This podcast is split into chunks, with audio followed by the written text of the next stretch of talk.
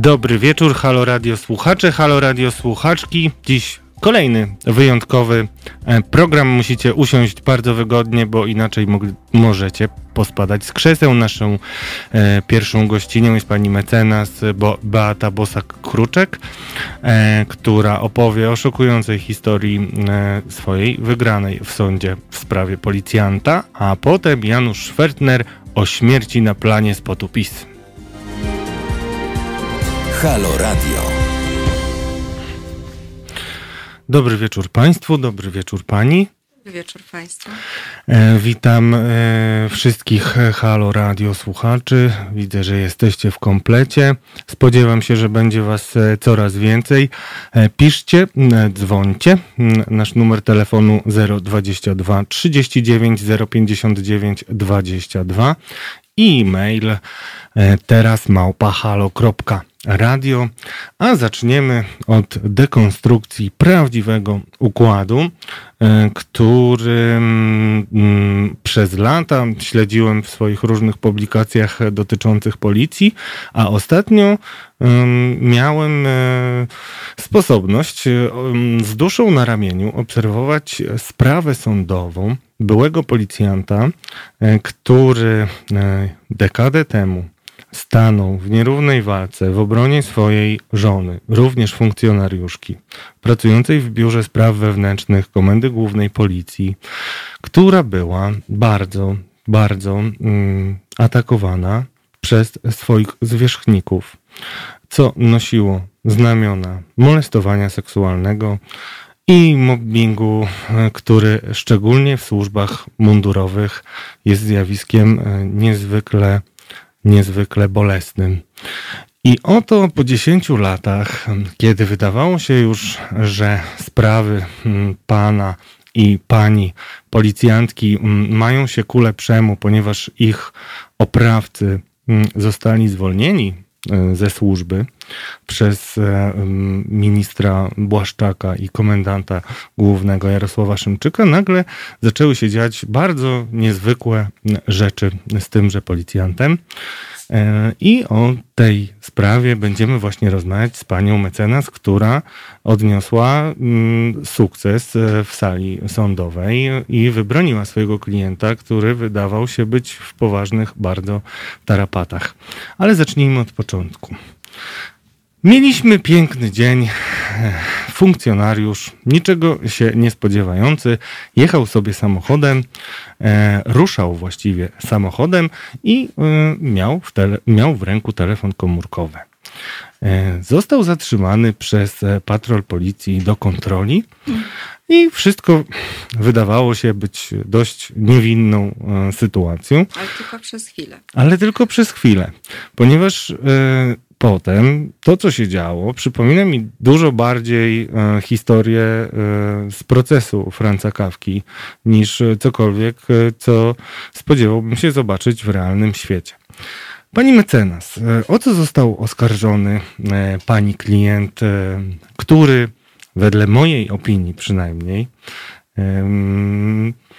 realnie zawinił tylko tym, że trzymał w ręku telefon komórkowy, za co grozi mandat w wysokości 100 zł i być może y, jakieś punkty y, y, karne, jeśli chodzi o, o mm, kodeks drogowy. Natomiast trudno sobie wyobrazić, że taki człowiek może trafić na ławę oskarżonych z bardzo poważnymi zarzutami. Jak do tego doszło? E, panie redaktorze, wiemy tak naprawdę to, że mój klient jechał samochodem i że został zatrzymany, dlatego że rozmawiał przez telefon komórkowy. I tak naprawdę tu należy postawić kropkę, bo to jest to, co na pewno wiemy. Potem wszystko to, co się wydarzyło, to jest relacja mojego klienta, która całkowicie różni się od tego, e, co znalazło swoje odzwierciedlenie w dokumentacji procesowej która została wytworzona na bazie postępowania przygotowawczego prowadzonego przez prokuraturę. Y, według mojego klienta y, funkcjonariusze, którzy zatrzymali go do kontroli, sami zobaczyli, że sięgając po dokumenty samochodu oraz po prawo jazdy, że jest tak zwana blacha, czyli odznaka policyjna, którą miał w schowku. To była odznaka jego żony. Spytali się, czy jest policjantem. On powiedział, że jest byłym policjantem, ponieważ jest już na emeryturze. Był już 10 lat wtedy na tak, emeryturze. panowie nie dali wiary, ponieważ mój klient jest bardzo przystojny, świetnie się trzyma, rzeczywiście nie wygląda na osobę, która jest emerytem. I wtedy on sięgnął po legitymację swoją emerycką. Nie spodobało im się to, że jest koloru niebieskiego, bo powinna być biało-czerwona. Wtedy rzeczywiście jeszcze w takiej legitymacji funkcjonowały właśnie niebieskie. No ale jak, został, jak, to, jak to możliwe, że taki człowiek ale, trafia na ławę oskarżonych? Ale chwileczkę, został zaproszony na y, komendę po to, żeby to wyjaśnić, czy rzeczywiście jest y, policjantem, czy ta legitymacja emerycka nie jest y, sfałszowana. I tak naprawdę to, co się potem działo, to mm, dokumentacja procesowa, która została w tej sprawie zgromadzona, już budzi bardzo poważne wątpliwości, ponieważ Panowie z policji twierdzą, że mój klient, kiedy został zatrzymany, od razu wylegitymował się kopią, nie oryginałem, legitymacji policyjnej, a nie emeryta, i że do tego była podpięta odznaka, której numery się różniły. Mój klient twierdzi, że tak absolutnie nie było. Pani prokurator w toku postępowania, kiedy za chwilę jeszcze dojdę do tego, jak doszło w ogóle, że w tym wszystkim y, w grę wkroczyła prokuratura, postawiła zarzut y, tego, że mój klient y, namawiał funkcjonariuszy do tego, żeby popełnili przestępstwo z artykułu 231 czyli y, niedopełnienia obowiązków w postaci jak gdyby uniknięcia wylegitymowania czy też ukarania. Y, oczywiście tutaj należy w ogóle stwierdzić, że karą za y, to, że się rozmawia przez telefon komórkowy może być też i pouczenie. To wcale nie musiało się nawet kończyć mandatem. Niemniej jednak został zawieziony na komisariat i tam y, jeszcze nawet nie przeczuwając, co za chwilę się stanie, y, funkcjonariusz stwierdził, że y, zadzwoni do komendy wyżej, żeby sprawdzić, czy rzeczywiście taki funkcjonariusz o takim imieniu, nazwisku jest emerytowanym policjantem. I teraz co się dzieje? E, osoby, którym mój klient bardzo zaszkodził tym, że właśnie ujawnił ten mechanizm, o który pan redaktor przed chwilą opowiedział, mobbingu, szereg nieprawidłowości, które miały miejsce w komendzie głównej policji. A więc te osoby dowiedziały się, że on został zatrzymany no, z bardzo błahego powodu, jakim jest rozmowa przez telefon komórkowy. I dali instrukcje telefoniczne według y, słów mojego klienta, że mają mówiąc krótko, mu tak zaszkodzić i mają wygenerować z tej sprawy taką sprawę, żeby na całe życie sobie popamiętał. Miała to być zemsta, miały to być działania odwetowe za to, że wcześniej właśnie ujawnił pewien układ nieprawidłowości, w wyniku którego wielu funkcjonariuszy straciło pracę. I teraz już tutaj wszystko się dzieje jak na filmie. Według słów mojego klienta, notatka pierwotna, która została sporządzona, została na jego oczach podarta. Została wytworzona nowa. E, nagle e, pojawia się e, postanowienie o zatrzymaniu i przeszukaniu jego rzeczy. Stawia mu się zarzut z artykułu 270, czyli fałszerstwo legitymacji służbowej oraz uporczywe czy też y, y, rażące nakłanianie do y, popełnienia przestępstwa przez tych funkcjonariuszy, czyli artykuł 231.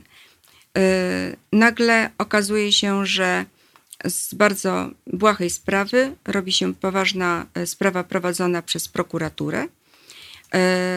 Dlaczego? Ponieważ w trakcie zatrzymania funkcjonariusze sprawdzali również samochód, ponieważ stwierdzili, że mój klient nie miał dowodu rejestracyjnego. E, według słów mojego klienta miał ten dowód i przekazał e, podczas kontroli. I teraz co się dzieje? Funkcjonariusz sprawdza to w KSIP, czyli w bazie danych na temat informacji dotyczących pojazdów, czy ten samochód jest niekradziony i czy jest ubezpieczony. Przy czym podaje numer rejestracyjny zupełnie innego samochodu niż ten, którym posługuje się mój klient. W KSIP funkcjonariusz po sprawdzeniu to odpowiada. To jest, krajo... to jest rejestr. Mm. Tak, identyfikacji pojazdu. Mhm. Y okazuje się, że funkcjonariusz policji, który sprawdza ten y, pojazd, potwierdza, że Citroen Berlingo o numerach rejestracyjnych, na których mój klient się nimi w ogóle nie posługuje, jest ubezpieczony, jest niekradziony. Jak to możliwe? Co więcej, w toku postępowania pani prokurator sprawdza raz jeszcze w KSIP-ie ten sam pojazd i okazuje się, że pojazd o tym numerze rejestracyjnym Owszem, był przypisany, ale do Poloneza, y, który został sprzedany 6 lat wcześniej i w ogóle został wyrejestrowany. Kolejne pismo z KSIP-u, które przychodzi, jest o takiej treści, że w ogóle takiego numeru rejestracyjnego już w ogóle w bazie nie ma. Więc zadaję pytanie, na jakiej podstawie funkcjonariusz, który rzekomo przy moim kliencie kontaktował się telefonicznie z KSIP-em, sprawdzał y, tenże samochód o numerach sfałszowanych, bo do czego zmierzam? Trzecim zarzutem, jaki został postawiony i o co został oskarżony mój klient, to jest to, że posługiwał się samochodem na kradzionych y, tablicach rejestracyjnych, które do niego w ogóle nie należały. Których... Tyle tylko, no tyle tylko, że w momencie, kiedy funkcjonariusz sprawdzał w bazie danych samochód Citroen Berlingo, nie wiem, o numerach jakiś tam, to takiego samochodu o takich numerach nie było. I późniejsze śledztwo potwierdziło to, że nie było. A zatem nie mógł uzyskać informacji, że samochód jest niekradziony i ubezpieczony. Powinien uzyskać informację, nie ma takiego samochodu. Nie ma Citroena Berlingo o takich numerach, jaki ty mi, drogi policjancie podajesz. Zaraz, zaraz, pani mecenas, to jak to w takim razie e, mogło być, jeżeli e, KSIP od razu powinien dopasować numer do konkretnego pojazdu, bo inaczej takie sprawdzenie nie może się odbyć, tak? Więc, jak... Więc ja poddaję wątpliwość w ogóle, czy takie sprawdzenie się odbyło. Śmiem twierdzić, że się nie odbyło, dlatego że prokurator nie zgłębiła tego tematu w ogóle. Uznała, że po prostu mój klient wielokrotnie y, po prostu mm, do swojego samochodu przyklejał y, sfałszowane, skradzione, nie wiem, sfabrykowane y, tablice rejestracyjne, w wyniku czego tak naprawdę z, z, z, wykroczenia polegającego na tym, że mój klient rozmawiał przez telefon komórkowy, zrobiły się trzy duże sprawy posługiwanie się sfałszowaną legitymacją y, policjanta. On twierdzi, że tego absolutnie nie zrobił. Posługiwanie się skradzionymi lub sfabrykowanymi tablicami rejestracyjnymi do samochodu, y, który nie jest do, tych, do tego numeru w ogóle przyporządkowany. I jeszcze nakłanianie y, funkcjonariuszy do tego, żeby popełnili przestępstwo z artykułu 231. I tutaj I... ja wejdę na sekundkę w słowo, bo czytałem te akta i nie ukrywam, że czytałem je wiele, wiele razy y, i prosiłbym o taki komentarz wyjaśniający. Jest pani praktykiem, broni pani y, ludzi w trudnych sytuacjach z wieloma sukcesami, ale przyznam się, że ja jeszcze nie spotkałem się z taką sytuacją, gdzie e, nikt ze świadków, bo mamy trzech świadków, znaczy trzech świadków, czyli pana, pani klienta i dwóch policjantów. I nikt tak naprawdę nie mówi tam o żadnej propozycji e, jakiejś, e, no nawet odstąpienia od mandatu. Nie ma tam nawet zająknięcia się o jakimś mruganiu okiem i tak dalej. I na podstawie zeznań, w których nie ma takiego e, sformułowania, że chłopaki może się jakoś dogadamy po starej znajomości, my między nami policjantami, nie, nie ma nic takiego. Nie mówi tego ani jeden policjant, który rozmawia najpierw z klientem, nie mówi tego drugi, który potem dochodzi do tej rozmowy. To jest rzecz, o której chciałam wspomnieć, że y, oskarżenie mojego klienta y, o nakłanianie, y, czyli o podżeganie tak naprawdę z artykułu 231, o co został oskarżony, nie znalazło w ogóle w najmniejszym stopniu żadnego odzwierciedlenia w zgromadzonym materiale dowodowym. Pani prokurator sporządziła akt oskarżenia, nie przedstawiając żadnych dowodów poza zeznaniami funkcjonariuszy, ale nawet w tych zeznaniach ani jeden, ani drugi funkcjonariusz nie zeznali, żeby mój klient w najmniejszym stopniu podżegał ich do popełnienia przestępstwa z artykułu 231. Dlaczego tą sprawę wygrałam w sądzie apelacyjnym? Właśnie dlatego, że przez trzy godziny sąd był bardzo cierpliwy, nie przerywał i pozwolił mi krok po kroku opowiedzieć o wszystkich niespójnościach, o tym, że materiał dowodowy jest niekompletny, że wiele rzeczy jest sobą sprzecznych. Przede wszystkim widziałam to, że duże wrażenie zrobiło na sądzie e, historia z ksipem, ponieważ Właśnie to nie razu- jest to Jedno tylko pytanie, ponieważ nasi słuchacze bardzo żywo reagują na naszą e, audycję i jest konkretne pytanie od pani e, Bożeny Breczko. Czy ktoś w końcu porównał te numery z dowodem rejestracyjnym? Bo e, powiedzmy Oczywiście, to... że tak. Zostały to, porównane z dowodem rejestracyjnym i okazało się, że y, numery, o które pytał rzekomo y, funkcjonariusz, zostały przyporządkowane do samochodu y, Poloneza Caro, który został 4 lata temu już wcześniej sprzedany i wyrejestrowany, czyli w ogóle takiego samochodu fizycznie nie było. Y, Samochód, którym poruszał się mój klient, był o zupełnie innych numerach i, y, i ten samochód w Ksypie nie był sprawdzany. Natomiast chodziło tylko o to, żeby sfabrykować y, materiał dowodowy, który będzie obciążał mojego klienta, po to, żeby mówiąc brzydko, przyklepać mu trzeci zarzut. W rezultacie do sądu poszedł bardzo obfity akt oskarżenia z trzema przestępstwami w tytule. I y, sąd pierwszej instancji, który tą sprawę rozpoznawał, y, nie dosyć, że mój klient był bez adwokata, nie pozwalał mu zadawać pytań na sali sądowej. Uchylał y, dwa pytania, które moim zdaniem były bardzo ważne i miały związek ze sprawą, jako nieistotne dla sprawy. Dlatego też sąd apelacyjny, i to uważam jest na pewno naszym ogromnym sukcesem, bo trzeba pamiętać, że cała sprawa to jest sprawa systemowa, to jest sprawa walki z układem. Ona nie wzięła się bez powodu. Ona zaistniała tylko i wyłącznie, uważam, dlatego, że pan Konrad bardzo mocno naraził się swoim e, zwierzchnikom i postanowili po prostu człowieka zniszczyć. Sfabrykowali e, dowody. e, To jest moja prywatna opinia, ale tak mi się to wszystko układa. Dlaczego uważam, że, tak, że to jest bardzo prawdopodobne.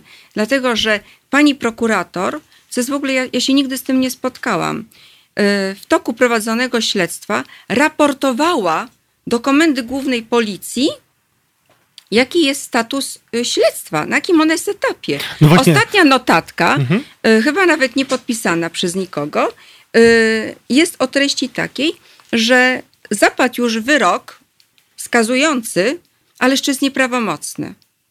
No właśnie A to co mogę... było dla mnie kolejnym zaskoczeniem, że w trakcie rozprawy, kiedy było 5 minut przerwy, ponieważ sąd naradzał się nad dopuszczeniem wniosków moich dowodowych, pani prokurator, która była obecna, wyszła i natychmiast zadzwoniła. Zakrywając usta e, zresztą Tak, kartką. ja nie wiem. To było ja, ja oczywiście nie, nie mam żadnego dowodu, y, czy ona zadzwoniła akurat w tej sprawie. Może miała jakąś inną bardzo ważną sprawę i musiała akurat odzwonić, ale wyglądało to dosyć dziwnie, ponieważ myślę, że się nikt po prostu y, nie spodziewał tego, że na sali sądowej pojawi się ktoś, kto w sposób bardzo taki przystępny sądowi apelacyjnemu przekaże krok po kroku, dlaczego ta sprawa jest nierzetelnie poprowadzona i dlaczego mój klient zasługuje na drugą szansę. Efekt był taki, że sąd uchylił cały wyrok, przekazał do ponownego rozpoznania, ale co dla mnie jest y, bardzo ważne. W pierwszych słowach y, sąd powiedział tak, że należy zgodzić się z nami, czyli ze mną i z oskarżonym, że cały proces pierwszej instancji był poprowadzony w sposób nierzetelny. I to jest prawda, ponieważ ja z takim postępowaniem, zarówno na etapie prokuratorskim, jak i sądowym, się nie spotkałam. To jest nieprawdopodobne, że jednym z kluczowych dowodów jest na przykład notatnik służbowy policjanta, który zostaje zabezpieczony dopiero po siedmiu miesiącach od rzekomo popełnionego przestępstwa, kiedy, drodzy Państwo, w tym notatniku to można wszystko napisać pięć razy od nowa i według takiej wersji, jaka zostaje przyjęta na potrzeby danej chwili. Zresztą sama notatka, która służbowa, która była podstawą tego, żeby zatrzymać mojego klienta i postawić mu zarzuty, przy nim została wersja pierwotna podarta, a potem była pisana i złożona dopiero następnego dnia po zajściu druga wersja. Więc no, sprawa na pewno zasługuje na to, żeby, żeby się jej przypatrzeć, również od strony medialnej. I przyglądamy się i będziemy się przyglądać, ale Wam, drodzy słuchacze, chciałem też uświadomić, dlaczego ta sprawa jest tak ważna i dlaczego od niej e, zaczynamy. Ponieważ e, widać to też wyraźnie po, e, po dużej frekwencji, nie tylko na naszym forum. Zaraz zresztą spodziewam się różnych dziwnych komentarzy, e, bo mm, w tej sprawie podobne zjawiska e, są e, bardzo częste. A mianowicie, drodzy słuchacze, historia klienta, pani mecenas Bosak-Kruczek jest e, historią, o której mm, słyszeli praktycznie wszyscy policjanci w tym kraju, którzy mają do czynienia z poważnymi sprawami. Bo ta historia była, drodzy Państwo, papierkiem lakmusowym dla wszystkich, którzy chcieli powiedzieć prawdę o tym, jakie patologie występują na najwyższych, e, na najwyższych stopniach e, policyjnej e, hierarchii. W jaki sposób fabrykuje się dowody, w jaki sposób nadużywa się władzy. O tym mm, zupełnie jeszcze powinniśmy porozmawiać osobno.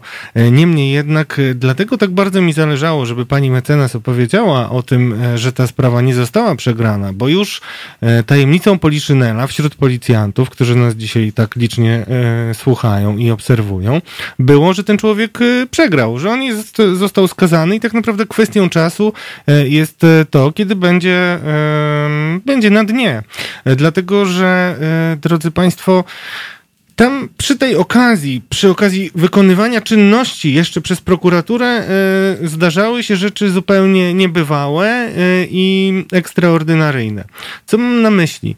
Po tej kontroli, y, drodzy Państwo, mówię, kontrola, która zaczęła się od rozmowy przez telefon za tak kółkiem po tej kontroli mm, bohater naszej historii, a jest to naprawdę bohater całej policji, bo wziął na siebie e, olbrzymie mm, ryzyko. I gdyby nie tacy ludzie jak pani mecenas e, i szereg policjantów, którzy mimo wszystko się od niego nie odwrócili i stoją za nim twardo i niektórych e, i, i też dzięki niektórym dziennikarzom, którzy odważnie mówią o patologiach w policji, ten człowiek dzisiaj staje przed szansą oczyszczenia się z zarzutów, a być może nawet pociągnięcia do odpowiedzialności tych, którzy mu to zrobili. Ale zanim to się wydarzyło, drodzy Państwo, y, y, policja doprowadziła do tego, że człowiek, jeszcze raz przypomnę, rozmawiający przez telefon miał przeszukanie w domu, miał ustalenia billingów, e, dzięki któremu e, można było dowiedzieć się, z kim rozmawiał i w jakich sprawach, nawet czasami, jeżeli się e, dopasowało. To czyli to tak naprawdę go kompletnie zdekon, zdekonspirowało. Przy czym jeszcze pamiętajmy o jednej rzeczy. Wyroki karne dla byłych oficerów którzy najczęściej wiążą swoją przyszłość y, po emeryturze z, z zawodami, w których y, takie, takie branże jak wymagające różnych certyfikatów i uprawnień, na przykład do noszenia broni, są niezbędne. No, dla człowieka, który miałby wyrok karny, tak naprawdę oznacza to śmierć zawodową. Cywilną, tak. Śmierć cywilną i śmierć zawodową. I on zaczyna zupełnie od wszystkiego, przy czym jeszcze mogę dodać od siebie, że w ekstremalnych sytuacjach E, znam takie w Gorzowie na przykład, e, policjanci, którzy byli skazywani, błyskawicznie byli pozbawiani e, emerytur, które przecież no, należą im się z racji na to, że pełnili Ale dokładnie służbę. tak, bo przecież... Zna pani, tą, zna pani podobne historie jeszcze z innych spraw Ale oficerów? dokładnie tak. tak. Miałam świadomość tego, kiedy podejmowałam się obrony klienta na etapie już odwołania, że dla niego jest to być albo nie być.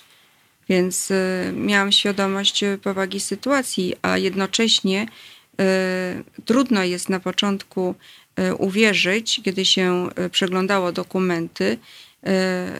No, dużo sobie musieli zadać trudu niektóre osoby na pewno, żeby w taki sposób zgromadzić materiał dowodowy, który będzie jednostronnie obciążał bez tak naprawdę prawa obrony swoich interesów przez oskarżonego. Co więcej, przecież zgodnie z prawem konstytucyjnym wszystkie wątpliwości powinny być na korzyść oskarżonego interpretowanej, z domniemania niewinności. Tutaj, jeżeli były jakiekolwiek wątpliwości, wszystkie zostały one zinterpretowane na niekorzyść.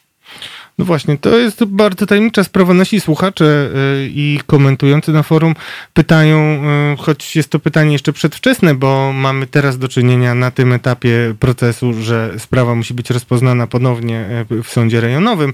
Niemniej jednak nasi słuchacze dopytują się, czy sędzia i prokurator zostali w, jakiś spo, w jakikolwiek sposób pociągnięci do odpowiedzialności. To Sąd jest niezawisły, absolutnie nie i nie, nie ma takiej podstawy nawet prawnej. No, każdy sąd jest w orzeczeniach niezawisły. Natomiast jeśli chodzi o prokuratorów, to też jest insza inszość, ale pytanie, czy jakakolwiek refleksja ze strony prokuratury nadejdzie, bo mogę też Państwu powiedzieć, Państwo pytacie e, o, o sytuację e, prokuratury i skąd to się bierze. Z mojego doświadczenia, a pisałem sporo o patologiach e, policyjnych, wynika, że między niektórymi policjantami, szczególnie z działów wewnętrznych, Biura Spraw Wewnętrznych, byłego, teraz teraz zlikwidowanego, teraz jest nowa jednostka, e, mają bardzo dobre relacje z e, prokuratorami i prokuratorzy często świadomie lub nieświadomie idą im na rękę i e, wierzą im na słowo w różne ich opowieści. Wiele spraw, które już opisywałem i znam, kończyło się potem oczyszczeniem z zarzutów takich policjantów, którzy odważyli się postawić, ale być może jeszcze więcej zakończyło się się inaczej, więc tutaj pewnie jest odpowiedź na to pytanie. Pani mecenas, czy spotkałaś Pani w ogóle z, ta, z takimi sprawami, gdzie w teoretycznie błahej sprawie jest e, takie zainteresowanie ze strony tak wysokich organów jak Komenda Główna Policji w konkretnej sprawie i w ogóle, czy to, bo mówiła Pani o tym na sali sądowej, że to wzbudziło Pani, Pani niepokój, ale mamy teraz jeszcze jeden telefon, więc e, cieszę się bardzo, że, że nasz słuchacz będzie mógł albo słuchaczka podzielić się e, swoją opinią o tym, co słyszy. Dobry wieczór. Halo? Dobry wieczór, tylko pana coś tak słabo słyszę. Dobry wieczór, bardzo mi miło. Poproszę. Ja to głośnie może na telefonie.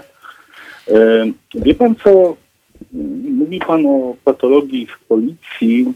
E, dzisiaj dowiedziałem się z zaprzyjaźnionego chyba z panem też e, portalu Onet, że został wydany wyrok w sprawie e, praktycznie rzecz biorąc e, zabicia komendanta policji w Mikołowie przez księdza, który skręcał sobie, wymuszając pierwszeństwo jadącemu na motocyklu komendantowi.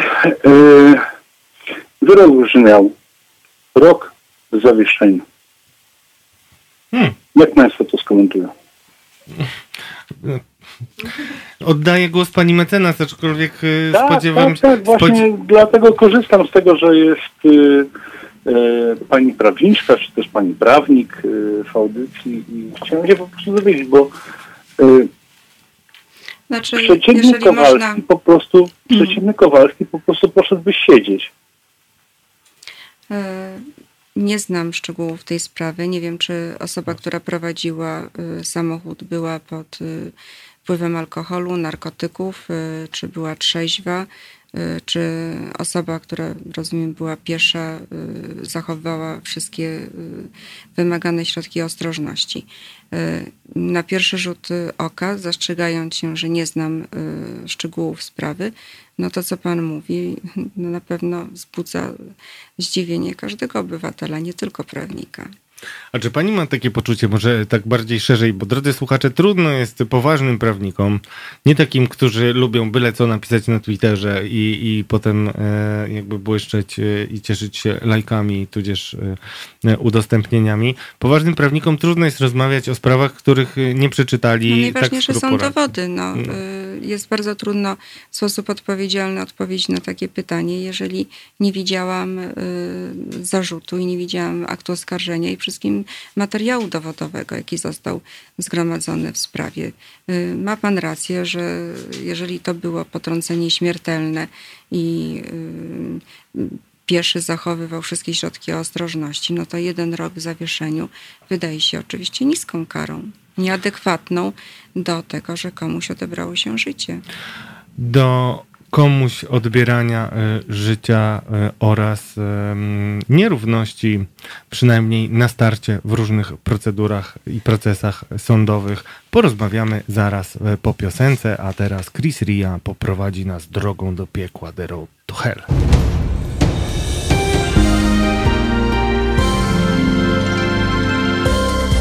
Halo Radio. Pierwsze medium obywatelskie.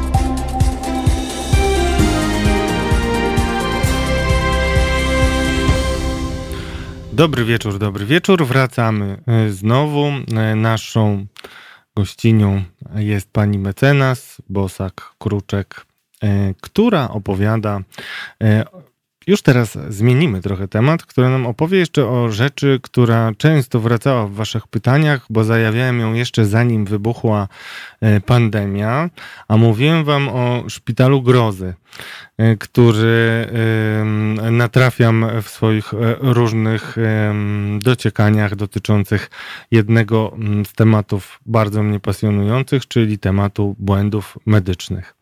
Nie mam e, specjalnie e, wątpliwości co do tego, że siedzi przede mną e, jedna z osób, która w dziedzinie błędów medycznych ma nie tylko wielkie doświadczenie, ale też sukcesy i prowadzi sprawy mm, no, najbardziej znane medialnie również.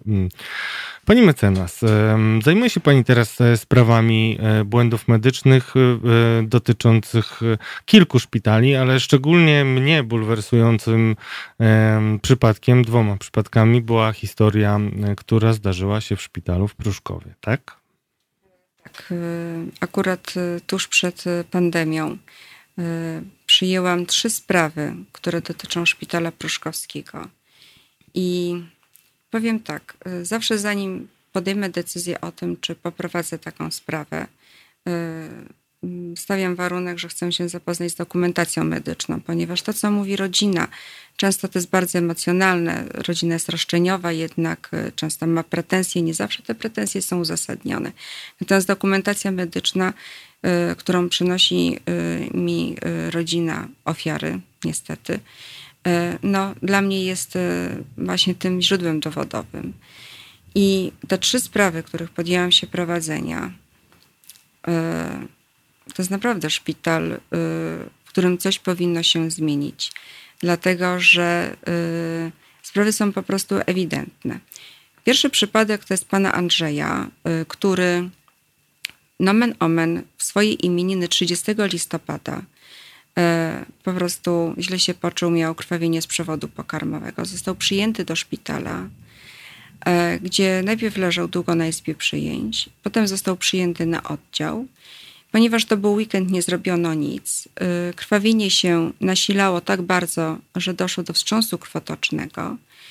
I o tym, żeby zrobić grupę krwi oraz zbadać krzyżówkę, żeby ewentualnie przetoczyć krew, podjęto wtedy, kiedy ta osoba już umierała. E, w poniedziałek wieczorem pan Andrzej zmarł z wykrwawienia. Wykrwawiał się trzy dni na oczach lekarzy, którzy nie reagowali, nie zrobiono gastroskopii, nie przeprowadzono e, badań, nawet nie codziennie sprawdzano morfologię, żeby zobaczyć, jak bardzo, jak silnie on się e, anemizuje, czyli jaki jest duży ubytek krwi. No i w poniedziałek wieczorem pan Andrzej zmarł. E, ten sam szpital miesiąc później, Sylwester.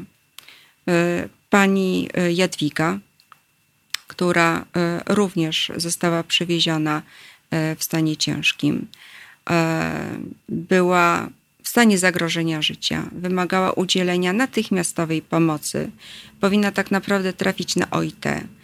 E, tymczasem oddział leżała. Intensywnej opieki. Oddział intensywnej mhm. terapii anestezjologicznej. Tymczasem e, no, leżała na izbie przyjęć. Sylwester. Nikt się nie zainteresował tak naprawdę pacjentką. E, straciła przytomność w toalecie. To, funkcja, to sanitariusz z pielęgniarką za ręce, ciągnęli ją po podłodze korytarza szpitalnego brzuchem do dołu. Jak przyszła do mnie rodzina i mi to opowiadała, to ja nie zawsze prawnik potrafi e, zachować twarz pokerową przy swoim kliencie. Ja byłam tym po prostu zszokowana. E, zmarła. Zmarła wskutek nieudzielenia e, pomocy. Nie doczekała się. Wtedy, kiedy w końcu lekarz z chirurgii zainteresował się panią, niestety już było za późno. Trzeci przypadek pani, która prowadziła aptekę która y, przez trzy dni bardzo cierpiała na bóle brzucha i y, która była tak naprawdę odsyłana, można powiedzieć, jak piłeczka ping-pongowa. W końcu trafiła do tego szpitala i znowu ta sama sytuacja. Leżała bardzo długo na izbie przyjęć i niestety doszło do wstrząsu. Nie została udzielona jej pomoc. Y, tak naprawdę y, nikt się nie pochylił nad tą pacjentką, y, żeby jej udzielić adekwatnej do jej stanu zdrowia pomocy i ona zmarła. Kolejny przypadek, już nie szpital pruszkowski, ale Miedzeleski oraz Otwock. No bardzo, to jest moja w tej chwili, można powiedzieć, taka najnowsza sprawa, ponieważ zgon nastąpił 5 kwietnia, czyli właśnie w okresie pandemii pana, który był wysportowany, silny, dobrze się czuł i pojechał, można powiedzieć, na taki bardzo y, standardowy zabieg, jakim jest wymiana stawu kolanowego. U osób starszych to się niestety zdarza, tak jak wymiana stawu biodrowego i y, mm, no, nic nie zapowiadało, żeby cokolwiek miało się przytrafić złego. Wszystkie badania wcześniej, które zostały wykonane, miał dobre wyniki, nie chorował na żadne choroby współistniejące, które zagrażałyby y, życiu. Y, I tutaj to już nawet nie możemy mówić o błędzie medycznym. Tutaj mamy do czynienia z, koincydentą, z koincydencją błędów medycznych, z lawiną postępującego raz za razem błędu ze strony lekarza, ponieważ najpierw jest operacja, gdzie już jest pierwsze powikłanie bez rozwarstwienie y, aorty. Zostaje przewieziony do szpitala międzyleskiego, y, gdzie trafia na oddział celem naprawienia rozwarstwionych tętnic, czyli wykonania zabiegu angioplastyki. Tam nie robi się tego od razu, tylko czeka się trzy dni. Pacjent się wykrwawia, na trzecią dobę zostaje operowany. Niestety z powikłaniami, ponieważ dochodzi do krwotoku wewnętrznego.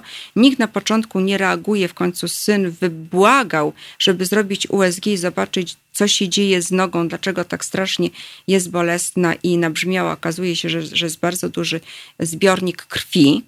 Y, zostaje to zdrenowane, ale y, pacjent już jest tak anemizowany, już jest tak wykrwawiony, że dochodzi do bardzo silnych zaburzeń pracy serca, dochodzi do zapalenia płuc. Po dziewięciu dniach w stanie krytycznym, ale ze strony lekarzy nazwanym, że stanie bardzo dobrym, zostaje z powrotem przeniesiony do szpitala macierzystego w Otwocku, gdzie dochodzi do kolejnego krwotoku tak ogromnego, że trzeba zmieniać całą pościel. Przez całą noc nikt się nie zajmuje tym pacjentem. Zostaje zostaje po 10 godzinach przewieziony z powrotem do Miedzeleskiego, a cały czas są krwotoki, e, anemizacja jest tak silna, że hemoglobina już wynosi 2. E, oni między sobą się kłócą, kto ma przyjąć pacjenta. Pacjent doznaje bardzo rozległego zawału serca, niedokrwiennego i e, wpada w stan wegetatywny i umiera. No, ta historia to jest po prostu no, jak pan redaktor by skomentował takie działania? Bo tu już nie mamy do czynienia, że komuś coś źle poszło, że jeden lekarz popełnił błąd, doszło do nieszczęścia, pacjent zmarł. Tu mamy y, trzy tygodnie, kiedy tak naprawdę i w jednym, i w drugim szpitalu popełniano błąd za błędem.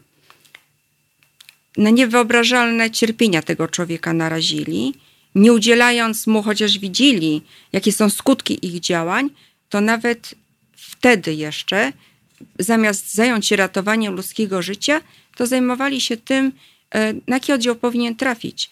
W rezultacie wtedy, kiedy już umierał, jeszcze 6 godzin czekał na to, że zostanie przyjęty na właściwy oddział. E, przetaczenie krwi, do którego doszło, było niestety już za późno, ponieważ rozwinął się zawał serca. Doszło do nagłego zatrzymania krążenia i człowieka nie ma. Marek Kaciński pisze, to się nie mieści w głowie. Człowiek idzie do szpitala po zdrowie, a wraca w trumnie. Piotr Świeciak e, pisze, to jest państwo z błota. E, I tak dalej, i tak dalej. To jest e, mój komentarz, bo jakże może być inny. Aczkolwiek chciałem też zapytać, ponieważ wielokrotnie zajmowałem się mm, kilkoma sprawami, które często ciągnęły się latami. Czy nie ma pani mecenas wrażenia, że to tak naprawdę efekt wieloletnich zaniedbań, i jednak pewnej bezkarności e, osób, które często popełniają najpierw drobne wykroczenia, a później coraz mniej drobne i coraz bardziej poważne, nie ponosząc konsekwencji, co prowadzi do mm, pewnego rodzaju demoralizacji i um, takiego znieczulenia na różne sygnały e, ostrzegawcze. Wydaje mi się, że za wszystko jest odpowiedzialny czynnik ludzki. To nie jest kwestia e, tego, że przez całe lata coś złego się budowało. Myślę, że to jest kwestia wykształcenia y, młodych lekarzy od strony etycznej, y, nauczenia ich empatii, nauczenia tego, że y, zawód lekarz to jest służba i że trzeba mieć powołanie do tego, żeby taką służbę pełnić, że nie każdy się nadaje do tego zawodu że nie może lekarz gonić wyłącznie za kasą, i że w ich rękach jest ludzkie życie, czyli jest ogromna odpowiedzialność. E, ja mam przypadek jednego ze szpitali warszawskich, bardzo dużych szpitali, y, w których y, przyszedł pacjent z ogromnym bólem głowy. Okazało się, że miał pęknięty tętniak. Dwa razy go z SOR-u odsyłali z tabletką na ból głowy. W końcu za trzecim razem, kiedy przyszedł na ten SOR, po prostu natrafił na fenomenalną panią doktor, która natychmiast kazała zlecić tomograf komputerowy. Okazało się, że jest pęknięty tętniak i mm, został zoperowany. To jest cud po prostu, że ten pacjent żyje. Też tą sprawę prowadzę. A więc wszystko zależy od człowieka. Wszystko zależy od człowieka, a teraz człowiek dzwoni e, i chce się podzielić opinią, a być może pytaniem do pani mecenas. Dobry wieczór, panie Pawle. Dobry wieczór, Radku, dobry wieczór, pani mecenas. Dobry wieczór. Słucham e, i chcę powiedzieć tak. Pierwszy przypadek tego człowieka, który zmarł na chirurgii z powodu e, utraty krwi, wstrząsu krwotocznego i tak jest nie do obronienia przez jakiegokolwiek biegłego. To jest ewidentne zaniedbanie, nie wiem ilu tam ludzi, ale to jest e, po prostu skucha medyczna z ofiarą. E, ostatni, który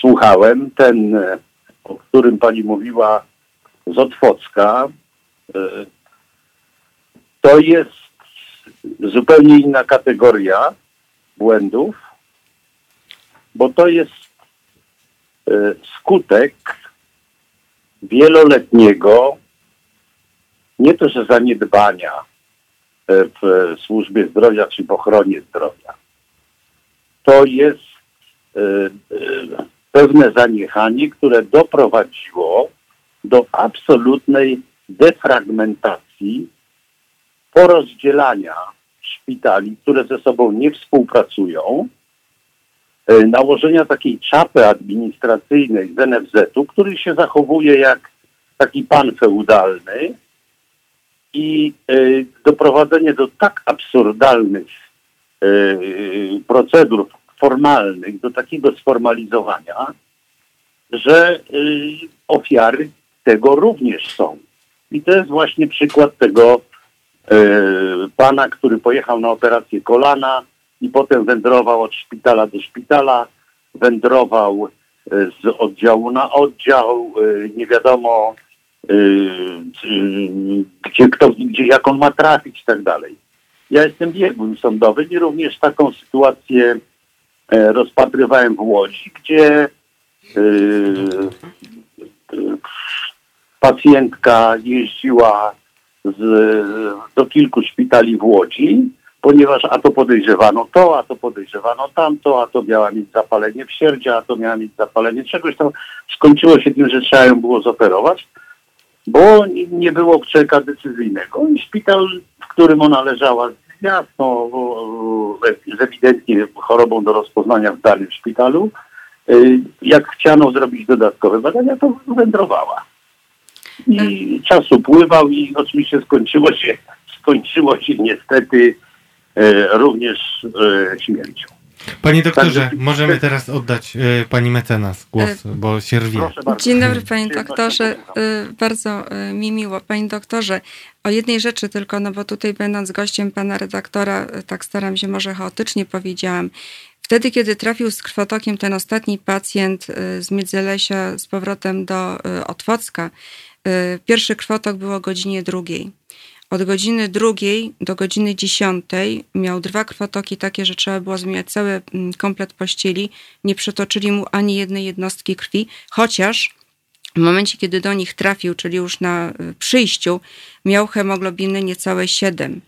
Y, więc y, no, nie, po prostu oprócz tego, że podali sól fizjologiczną, nawet nie podawali leków osłonowych, nie zrobiono dosłownie nic. O godzinie 10 karetką wysłali go z powrotem do szpitala Miedzelewskiego, gdzie do godziny 14 Kolejny był krwotok i znowu nie było przetoczenia, nie było żadnej y, decyzji. Co więcej panu powiem, panie doktorze, szpital y, z Otwocka dał wprawdzie y, jedną jednostkę krwi, do y, karetki, ale jej nie podłączył choremu. I jak przyjechał ten chory z tą jednostką krwi, w, znaczy w tym worku, y, do szpitala międzyleskiego, to szpital międzyleski powiedział, że on nie wie, kiedy to zostało wyjęte, w związku z tym już mu nie poda tej krwi. I tak leżał jest. sobie na izbie. I y, w międzyczasie oddziały się kłóciły, kto ma go przyjąć. Minęło kolejnych sześć godzin, człowiek umierał. Y, więc niezależnie, ja się z Panem całkowicie zgadzam, że na pewno y, reforma w postaci NFZ-u i tej czapki, o której Pan opowiadał, jest y, częściowo za to odpowiedzialna, ale za wszystkim stoi człowiek, dlatego że nie może być tak, żeby najważniejsze były ustalenia administracyjne, formalne, a nie pacjent. Jeżeli pacjent umiera i wymaga natychmiast udzielenia pomocy, to trzeba mu wpierw udzielić pomocy, a potem zacznijmy się zastanawiać, gdzie go położymy. E, trzeba powiedzieć tak, e, etos e, lekarza w tej chwili mocno, mocno ucierpiał, mimo tego, że klaskano na balkonach i pan minister nawet klaskał, to etos upadł między innymi dlatego, że takie sformalizowanie tego wszystkiego pozwala wyłgać się od odpowiedzialności. I najbardziej drugie, na tym cierpią lekarze, którzy są naprawdę wspaniałymi. Ja, ja mam bardzo dużo przyjaciół wśród lekarzy, mimo e, wszystko, jest, którzy są e, fantastycznymi, oddanymi służbie po prostu ludźmi. To, to, to są rzeczy, e, dla starych lekarzy są to rzeczy nie do pomyślenia, tak? Tak, Żeby tak, siedzieć na telefonie i, i dzwonić, czy wy przyjmiecie, czy my. Najpierw, najpierw to się najpierw się trzeba zająć pacjentem, Dokładnie a tak. potem się trzeba zastanawiać, czy, czy, czy, czy, czy jego tu, czy jego tam. Najpierw on ma stanąć na nogi. Dokładnie. E, jak słyszę o tym, że ktoś daje worek krwi do karetki, to to już, już sam, sam ten fakt, sam ten fakt, e, że wyjeżdża pacjent ze szpitala z workiem pod głową, tak to trzeba powiedzieć. No właśnie. Ten wo, krew, jest, krew jest taki, taki worek. Zresztą ten... Mm, E, worki do krwi były e, tymi pierwowzorem dla implantów piersi. I to tak do tej pory mniej więcej wygląda. To, mm, e, to są rzeczy, mówiliśmy o, o, o tych takich administracyjnych rzeczach, prawda? Ale proszę zobaczyć, że również wychodzą koszmarne niekompetencje. Ale tak, koszmarne dokładnie, brak profesjonalizmu, dokładnie tak. E, ja jak jakiegoś takiego miałem pecha, że jak skończyłem studia, to przez 4 czy przez 6 lat dostawałem od swojej akademii, też wtedy była akademia, dostawałem taką ankietę, co bym chciał, e, żeby akademia w jakiś sposób sprawdzała kompetencje e, absolwentów, prawda? I specjalizacje, jeśli mogą być dalej specjalistami i tak dalej, i tak dalej. Ja ciągle pisałem, żeby wszyscy ci, którzy Uzyskali tytuł specjalisty raz na trzy lata wzorem. To, to akurat Stany Zjednoczone teraz mają takie, są pase, ale e, system nadzoru e, wykształcenia lekarzy mają doskonały, bo oni co trzy lata, co pięć muszą zdawać test. wszyscy taki sam profesor kliniki i najmłodszy asystent, który jest specjalistą, muszą zdawać test kompetencyjny, czyli sprawdzają, czy oni są na bieżąco. Urzędnicy w miejscu, którzy dają zgodę na prowadzenie gabinetów lekarskich, również domagają się kursów i tak dalej. W Polsce zostało to zrobione w ten sposób, że trzeba uzbierać y, ileś set tam punktów za odbyte szkolenia. Y, teraz jeszcze zrobiono takie świństwo, że jak wyjeżdżałeś za granicę, to dostawałeś 70 punktów edukacyjnych. Teraz te punkty znacznie zredukowano, za to po, po zrobiono coś takiego, żeby jeździć na kursy krajowe y, i cykać tam po 6, 12, 13 punktów, y, bo z tego też zrobiono biznes, tak? Y, kształcenie lekarzy zostało zamienione. Są to błędy systemowe, panie doktorze, dokładnie tak. Potworne, potworne, dokładnie. potworne i, i to, to są rzeczy w ogóle nie do pomyślenia. Ale jeszcze jest kwestia jedna, to jest kwestia rzetelności biegłych. No, nie chciałam I, nawet e, wspominać tego obawiam tematu. Obawiam się, panie doktorze, bardzo dziękuję za telefon, ale obawiam się, że rzeczywiście e, jakby temat e, rzetelności biegłych to jest na zupełnie osobną rozmowę, a ponieważ już zbliżamy się do Tylko końca jedno słowo bym tej chciała godziny, na temat biegłych. to e, dziękuję bardzo za telefon dobranoc. i dobranoc. Będziemy teraz na koniec jeszcze ostatnie słowo należy do pani mecenas w sprawie biegłych, rozumiem ponieważ pan doktor y, zachęcił mnie, w zasadzie ośmielił, żebym odniosła się do opinii biegłych. Chciałabym zaapelować do wszystkich biegłych, którzy nas słuchają, żeby byli rzetelni, uczciwi, niezależni, dlatego że, drodzy Państwo, w Waszych rękach są wszystkie sprawy prokuratorskie i sądowe. Dlatego, że każdy prokurator i każdy sąd, prowadząc sprawę, bierze tak naprawdę pod uwagę to, co wy, drodzy biegli, stwierdzicie w swoich opiniach. I najtrudniejszą pracą dla nas, dla prawników, jest potem wykazywanie, że tak naprawdę opinia biegłego została sporządzona nierzetelnie, że są niespójności, że zostały pominięte bardzo ważne aspekty, że one są wybiórcze bardzo często. Dlatego moim marzeniem tak naprawdę jest, żeby biegli byli takim y, trzecim filarem sprawiedliwości w walce przeciwko błędom medycznym. I tego życzę nam wszystkim, życzę pani mecenas, e, klientom e, i też ofiarom, bo drodzy słuchacze, e, historie błędów medycznych są naprawdę traumą dla rodziny na całe życie, bo to jest e, najtrudniejsze chyba, jedno z najtrudniejszych doświadczeń, kiedy idziesz, e, ufasz, e, oddajesz swoje bezpieczeństwo, zdrowie i życie w ręce osób zaufania publicznego, które często niestety nie przez przypadek, tylko ze względu na zaniedbania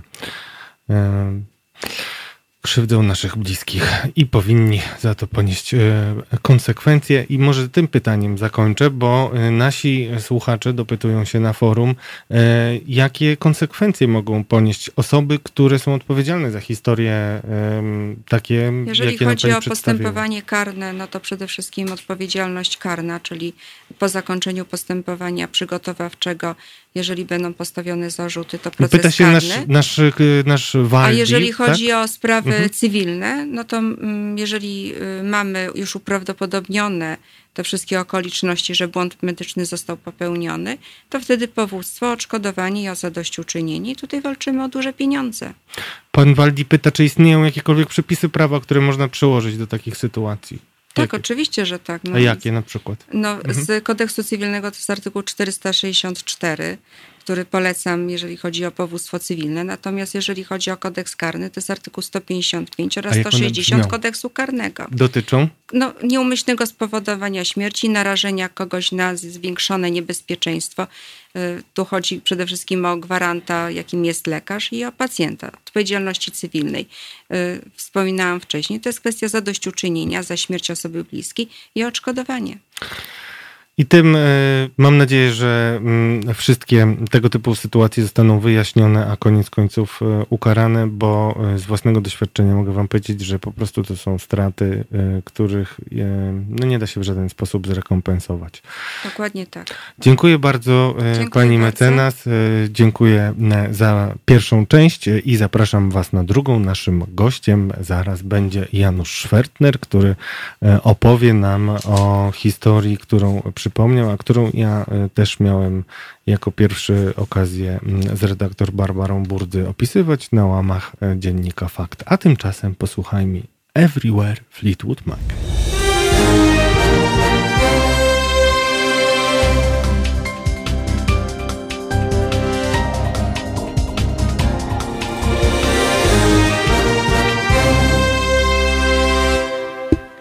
Dobry wieczór, halo radio słuchacze, forumowicze.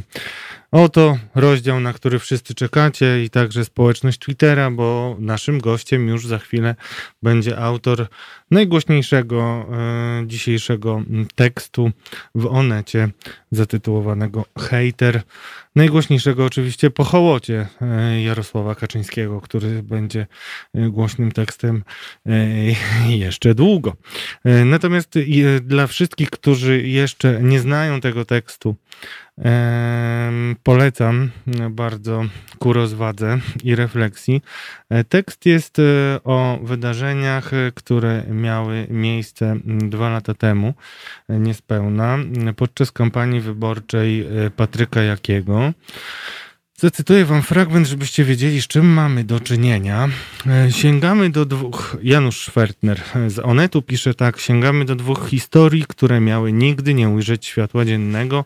Obie rozegrały się w październiku 2018 roku, gdy kandydat Prawa i Sprawiedliwości Patryk Jaki toczył za żarty ostatecznie dotkliwie przegrany bój z Rafałem Trzaskowskim o przejęcie władzy w Warszawie.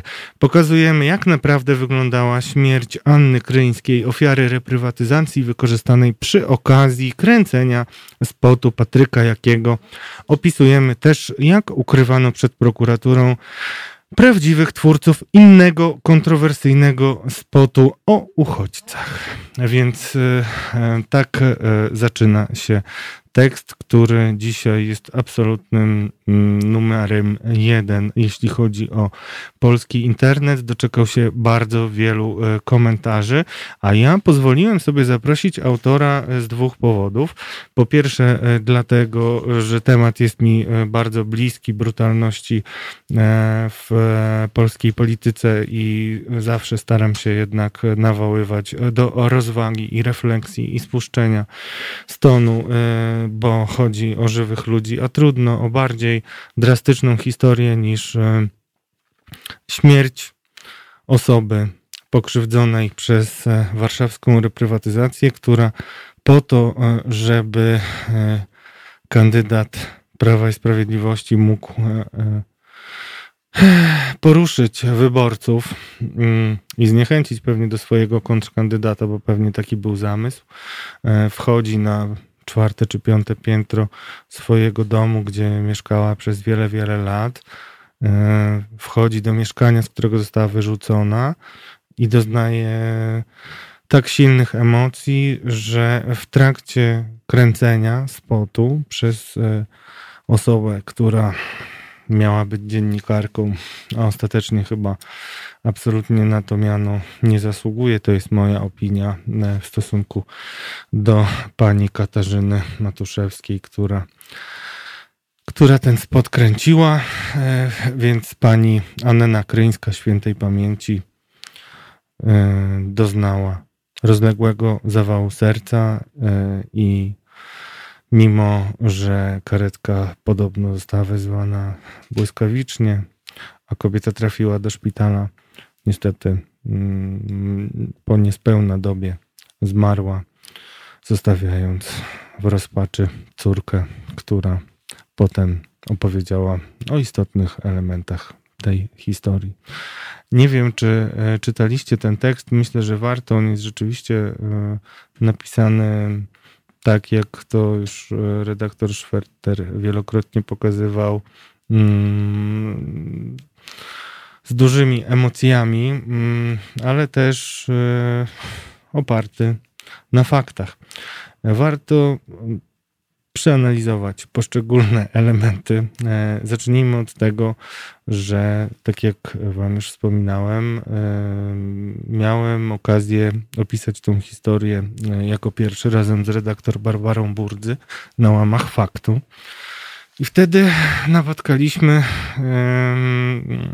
szereg dziwnych i niepokojących sygnałów w naszym dziennikarskim śledztwie, mianowicie osoby, które były świadkami e, i pozwoliły nam zrekonstruować ostatnie dni e, e, życia pani Anny Kryńskiej i zdarzenia, które doprowadziły do jej śmierci.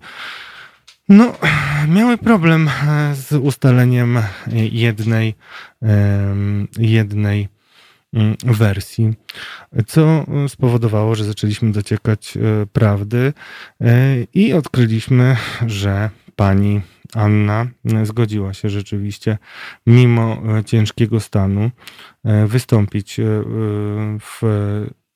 Wtedy twierdzono, że miał być to program realizowany przez ludzi z firmy zewnętrznej i przeznaczony do emisji na antenie TVP Info. Bardzo dużo mnie kosztowała ta historia.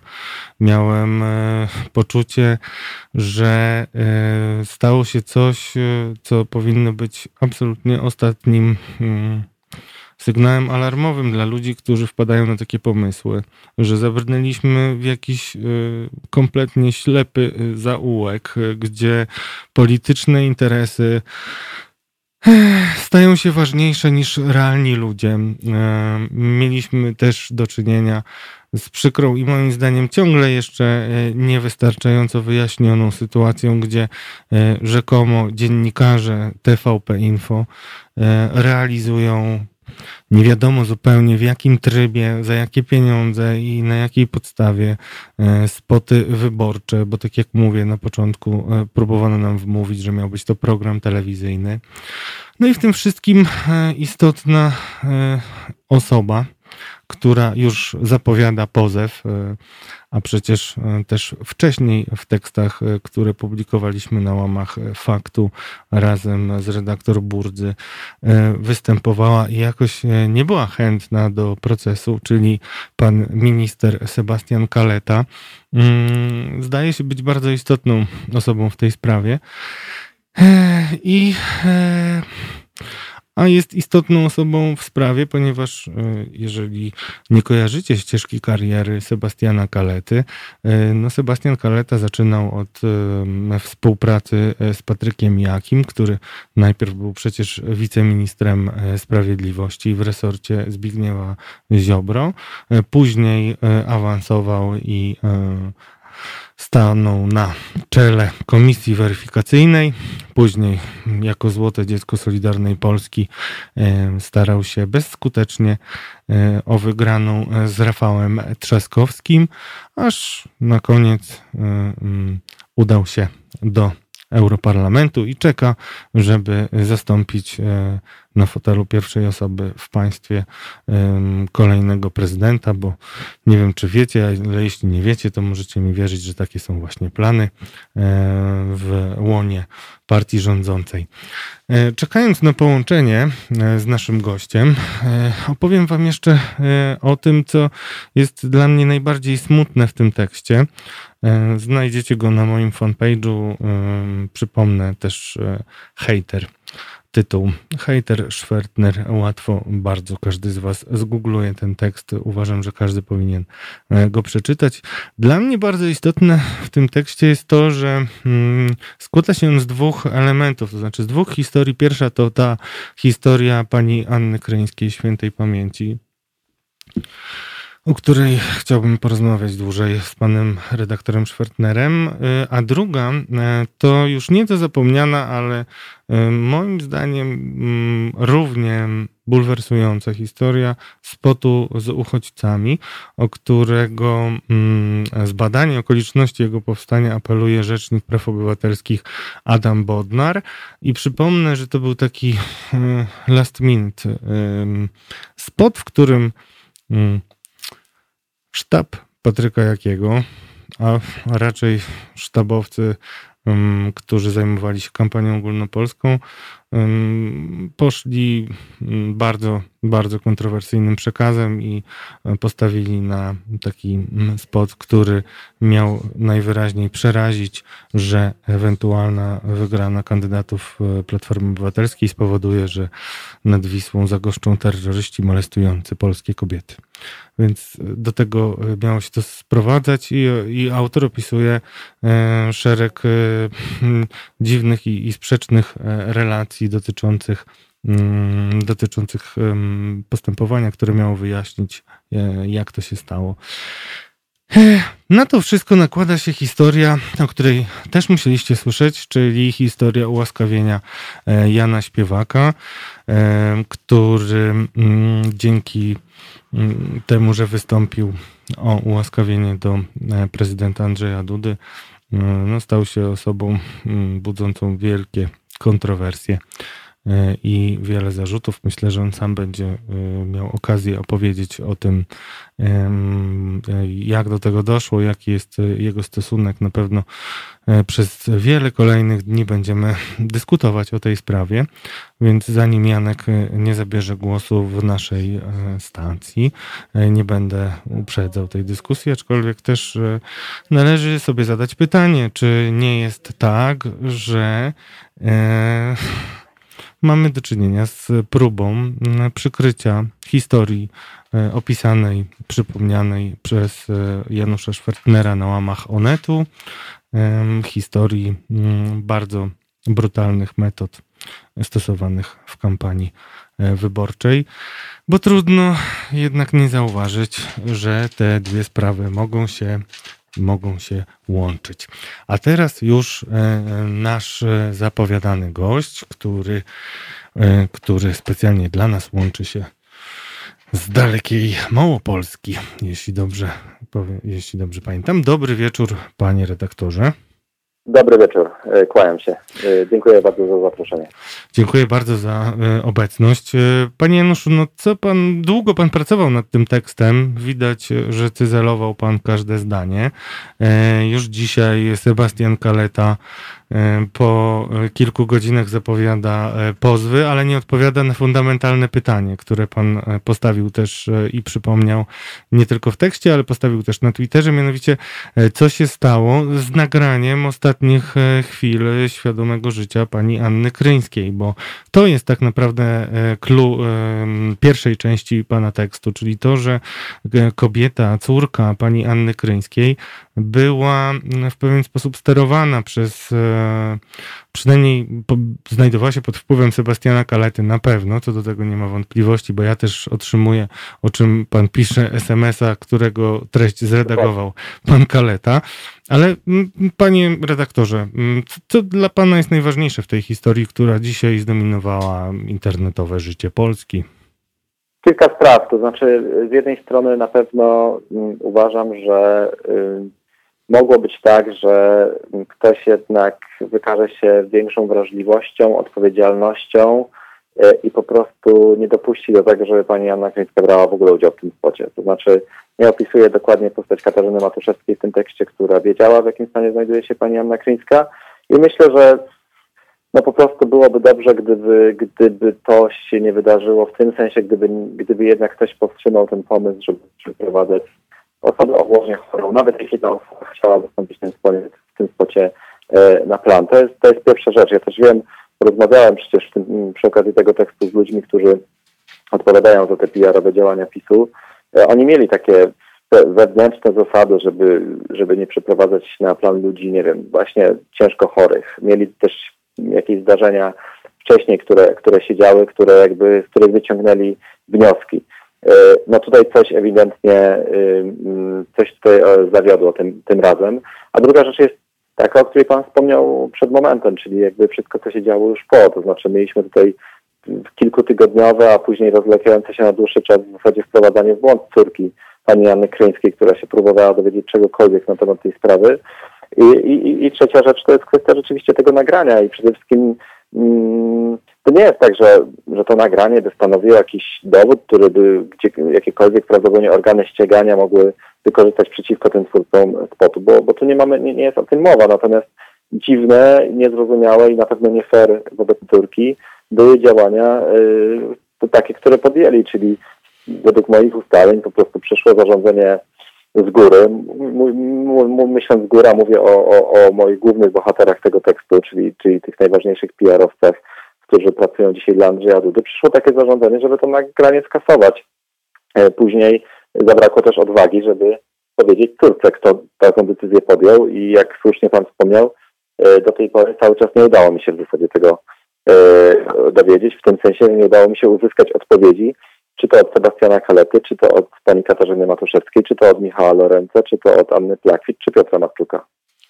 Właśnie te wszystkie osoby e, pojawiają się w Pana tekście. Dla mnie osobiście najbardziej e, problematyczną jest pani Matuszewska, która, tak jak mówiłem, nie wiem czy Pan słyszał na początku, ciągnie panią Anię Kryńską, która wedle Pana tekstu i wedle moich informacji również parę dni wcześniej zemdlała i też musiała być pod opieką lekarzy, więc wyraźnie, po, po, po pierwsze chorowała przewlekle, była nie najlepszego zdrowia. Widać było, że ta historia e, bardzo dużo ją kosztuje. Zresztą pan wprost pisze e, w tekście, opierając się na swoich źródłach e, z okolic kampanii ludzi, sztabowców PiSu, że chodziło o to, żeby cytując bohaterka serała łzami. Widać wyraźnie, zamieszczenie tego cytatu wyraźnie wskazuje na to, że mamy do czynienia z ludźmi, którzy którzy cynicznie chcieli osiągnąć e, efekt e, wstrząsu. I właśnie to jest chyba najmocniejszy zarzut. Natomiast e, mam pytanie, na ile pan uważa, że też odpowiedzialnością tutaj można obarczać sztabowców, bo oni milczą. Pani Matuszewska zaprowadziła bohaterkę i, i zmarłą panią Anię Kryńską do tego miejsca, namawiała ją do tego, żeby występowała. Wiedziała o tym, że nie czuła się najlepiej i też mówi tak takie zdanie, które powiem szczerze bardzo mnie zabolało i chcę, żeby mocno wybrzmiało. Mówi tak, po chwili ciszy zresztą, że nieszczęście tej sytuacji polega na tym, że mieliśmy do czynienia z politykami. Politycy to nie najmilszy gatunek człowieka. Czy to jest wystarczające wytłumaczenie dla zachowania e, pani Katarzyny i w jaki sposób pan uważa, że odpowiedzialność ponoszą e, ludzie, którzy dzisiaj mają wspierać kampanię e, prezydenta Dudy? Ta wypowiedź, którą pan zacytował, Katarzyny Matuszewskiej jest bardzo dziwna i do tej pory stanowi dla mnie pewną, pewną zagadkę.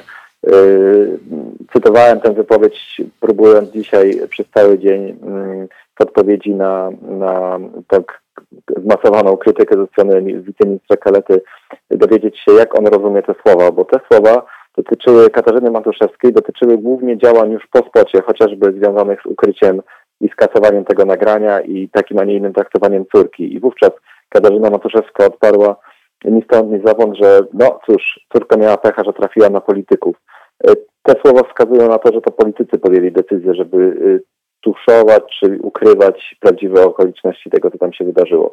E, więc jak Sebastian Kaleta, który dzisiaj grozi pozwem, chciałbym, żeby on, on, on spróbował wytłumaczyć te słowa Katarzyny Matuszewskiej, i, i, I, chciałbym, żeby on, ja też przecież pokazuję w tym tekście, wiceminister Kaleta sam obiecywał, że, że pomoże zdobyć to nagranie.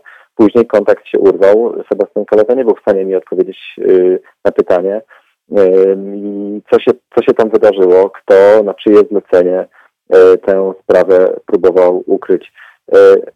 Rzeczy, czy dla mnie to jest w ogóle mm, jeśli chodzi o tą odpowiedzialność. To znaczy dla mnie, dla mnie to jest odpowiedzialność, którą powinni w tej chwili mieć w głowie wszyscy, wszyscy politycy w ogóle. To znaczy ja, ja dzisiaj pisałem, napisałem że taki krótki komentarz, że to nie jest e, tekst o polityce, tylko to jest tekst o czarnym pijarze, o którym e, o który polityką zawładnął I, i, wydaje mi się, że to jest taki mm, wynalazek nowoczesności, który, który jest mm, obrzydliwy, o którym film nakręcił niedawno Jan Komasa i, i to jest tak, we mnie jest taka nadzieja, że po tym tekście może ktoś się dwa razy zastanowi, obojętnie z jakiej będzie partii, zanim y, będzie na siłę próbował y, iść y, no, po trupach do celu. Sam pan wspomniał wcześniej o tym, o tym, że to miał być spot, który miał wyciskać łzy i obaj doskonale wiemy, jak wyglądają te mechanizmy. To znaczy wszyscy też pamiętamy akurat tamtą kampanię październik 2018 roku, ten cały to całe przekonanie też Prawa i Sprawiedliwości, że rzeczywiście są w stanie tę niespodziankę w Warszawie zrobić. Oczywiście skończyło się zupełnie inaczej. I, i, I, nie ma problemu. Politycy mogą wierzyć w niespodzianki, mogą szykować ciekawe kampanie, które odmienią, yy, odmienią tą rywalizację całkowicie, ale te dwie historie pokazują, jak daleko ci ludzie zaszli. To znaczy nie tylko historia spotu o reprywatyzacji, ale także uchodźców, ukrywania przed prokuraturą prawdziwych twórców spotu. To znaczy widać, że te dwie historie pokazały i zresztą moi rozmówcy anonimowi w tym tekście mówią to. Ja im też bardzo dziękuję, że, że, że, że zgodzili się e, w ogóle jakkolwiek e, ze mną rozmawiać i, i mówić wprost, jak to było i w jaki sposób tam potwierdzać wszystkie moje, moje ustalenia. Oni sami mówią, to znaczy my przegięliśmy, my się zorientowaliśmy raz, drugi, że naprawdę przegięliśmy i, i no nie wiem, chciałbym, chciałbym, żeby to była taka refleksja dla, mm, dla polityków, że, mm, że, że może nie, nie zawsze e, warto e, działać aż w ten sposób, ale też refleksja dla tych wszystkich PR-owców, dla, powiem szczerze, dla, dla młodych ludzi, którzy, którzy widzą umowy nagle na jakąś spółkę, na umowę o dzieło na 30, 40, 50 tysięcy złotych, ale to są, to są fajne pieniądze, tylko potem człowiek musi spojrzeć w lustro i musi się zastanowić, co robił tego dnia w pracy. A właśnie ci ludzie w pracy robili to na co dzień, co, co starałem się opisać w tym, w tym tekście. I y, no nie warto. Po prostu chciałbym tym tekstem powiedzieć, że nie warto. To znaczy, bo, bo za każdym takim działaniem stoi jakaś, jak widać, stoi, bądź może stać jakaś tragedia. W pełni się zgadzam. W pełni się zgadzam, że, że i też marzę o tym, żeby taki efekt e, był e, pana tekstu. E, Oczywiście takiego efektu nie będzie, tylko... Nie, no ja, ma, ja liczę, że może być. Ponieważ no, patrząc na, na reakcję wspomnianego wiceministra Kalety, to trudno być tutaj optymistą. No właśnie to, to też jest dla mnie znamienne, znaczy bohaterowie, antybohaterowie pana tekstu milczą, e, jak rozumiem, e, nie, nie wiem, czy, czy oni e, wytłumaczyli jakoś, czy próbowali przekonać pana, że w ich działaniach nie było niczego złego i w jaki sposób wyglądały. Tak, Matczuk powiedział, że dla niego rozdział Solwera jest rozdziałem zamkniętym w życiu e, i się nie będzie wypowiadał. E, Anna Plakwicz w ogóle nie rozmawia z dziennikarzami Onetu. Podjąłem jakby już któryś, którąś próbę kontaktu, ale niestety porozmawiać się nie udało. Z Michałem Lorencem również, chociaż obiecał mi spotkanie w przyszłości. I, i, i w zasadzie mm, no, zatrzymując się na moment jeszcze przy, przy tym, co dzisiaj, jak reagował na ten tekst minister Kaleta, ja naprawdę naprawdę chciałbym sobie wyobrazić, że jednak po takiej sytuacji jedyne, co robi, robią antybohaterowie tego tekstu, to mówią przepraszam, zagalopowaliśmy się, yy, przepraszamy, że tak to wyszło z tym nagraniem, yy, to ewidentnie wszystko poszło źle, yy, czujemy się jakoś za to odpowiedzialni.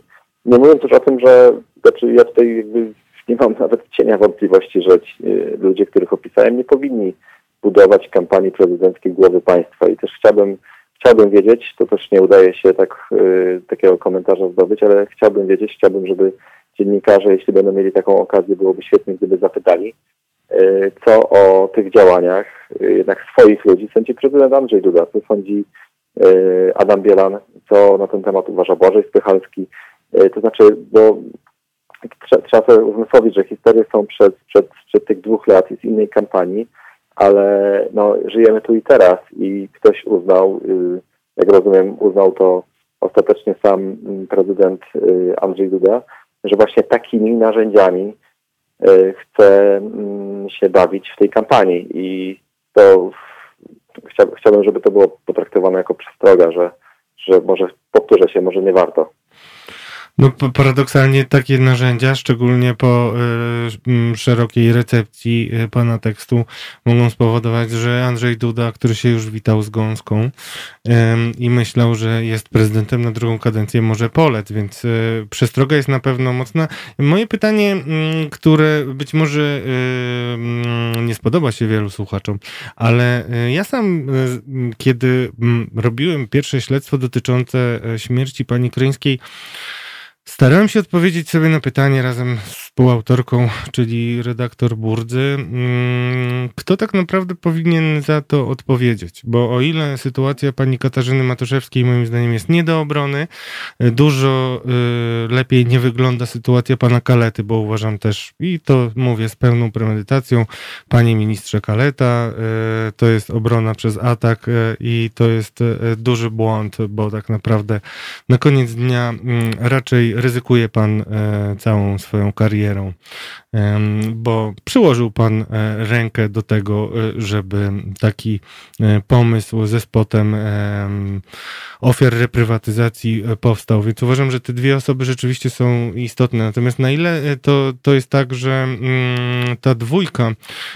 PR-owców jest dla pana mm, czy, czy oni są bardziej przykładem, czy rzeczywiście osobami, które e, pan wskazuje jako spiritus movens e, całej kampanii? Bo przecież e, widzimy nawet to dzisiaj po dyskusji o, o słowach Jarosława Kaczyńskiego, który zwyzywał ludzi od hołoty, że w PiSie generalnie, mm, generalnie recepcja poszczególnych zdarzeń zależy od tego, kto, je, kto za nimi stoi. Czy na, na ile to jest dla pana, na ile ma pan przekonanie, przekonanie, że to właśnie ta dwójka jest odpowiedzialna, a na ile powinniśmy jednak szeroko patrzeć na to, że politycy przyzwalają na dopuszczenie takich metod e, brutalnych, e, nieetycznych, cynicznych w kampanii wyborczej generalnie?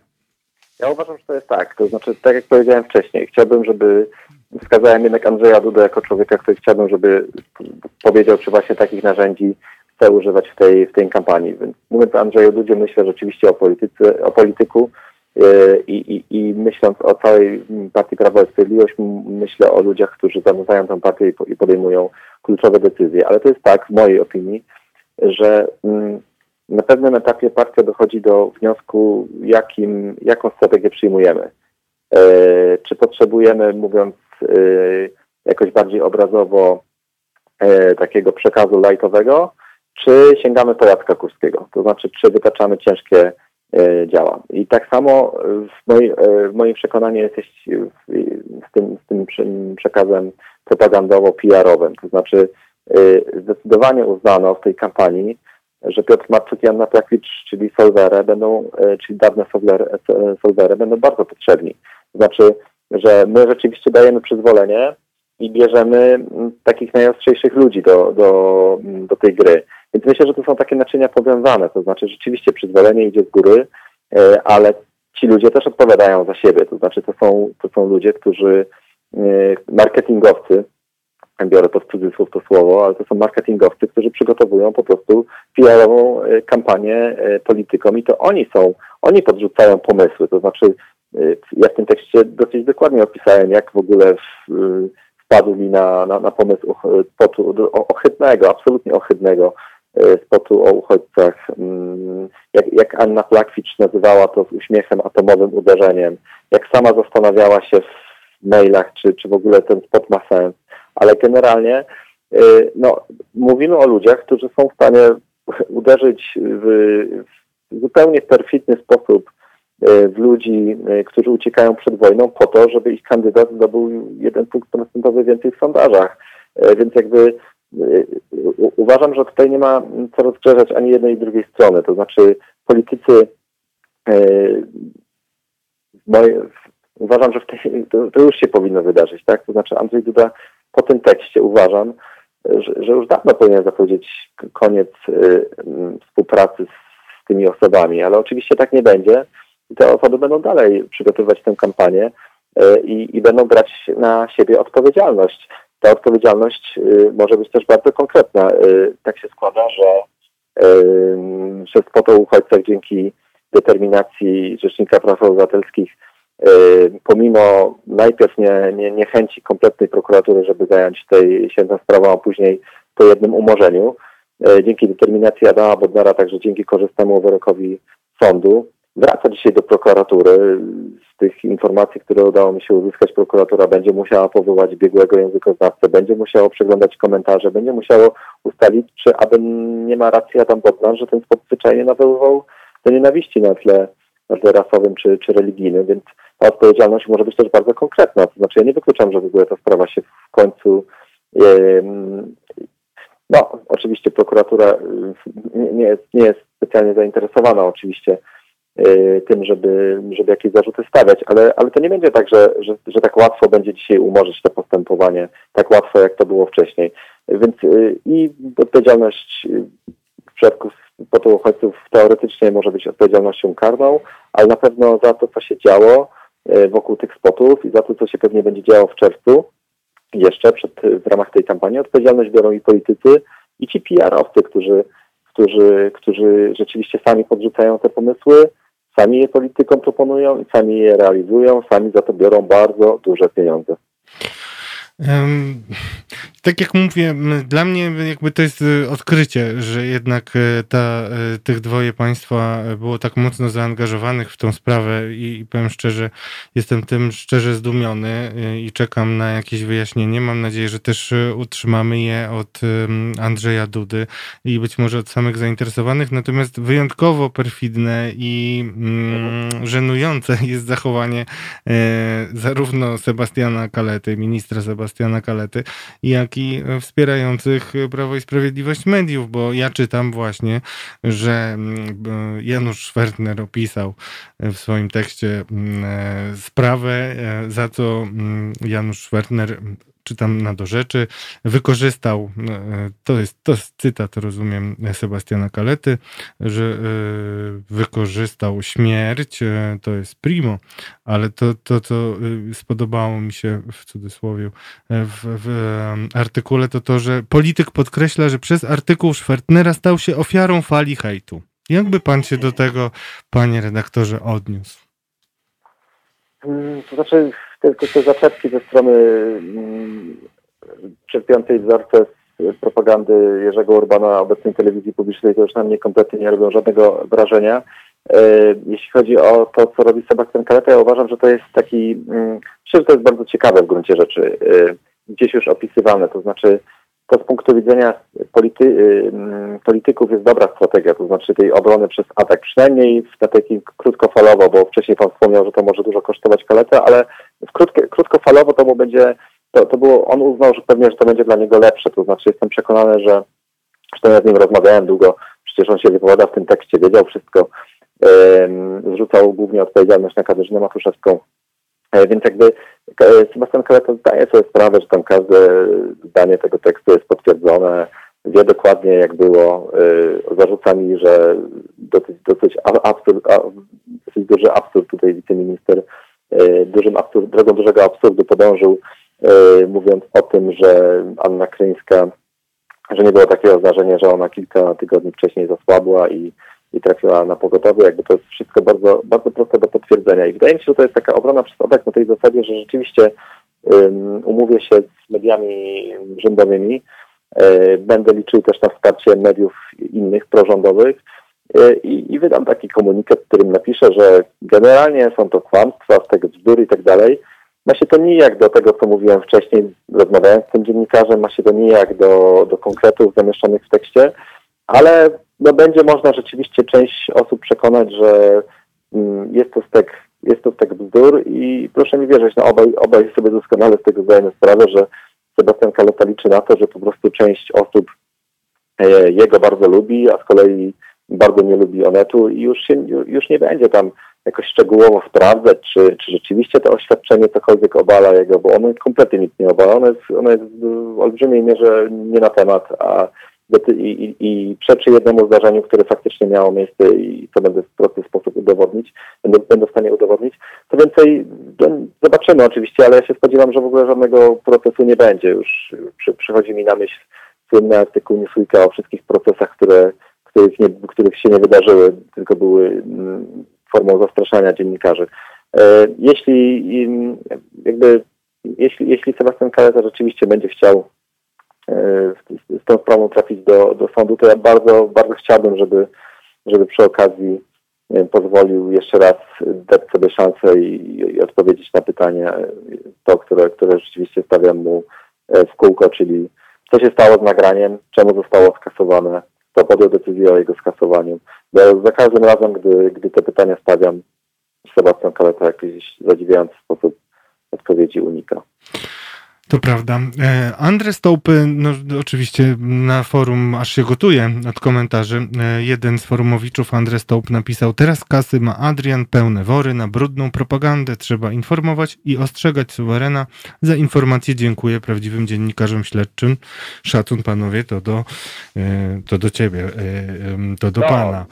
Do, do, pana, do ciebie również, bo, bo też nie, nie zdążyłem podziękować, ale też do, istotną bardzo rolę odegraliście z y, Barbarą Burdzy y, i, i po prostu wpadając na trop tej sprawy. To znaczy też trzeba wiedzieć, że mm, to, to, też, to też jest dla mnie ważne i to też widać w tym tekście, że udało się y, rozmawiać z ludźmi, którzy, którzy to widzieli, którzy byli w to zaangażowani w jakimś stopniu, tak? No także oczywiście też bardzo dziękuję córce, która się zgodziła porozmawiać, po, sama przyznała, że, że wówczas w październiku czy, czy później 2018 nie była na to zwyczajnie gotowa, przeżywała, przeżywała żałobę.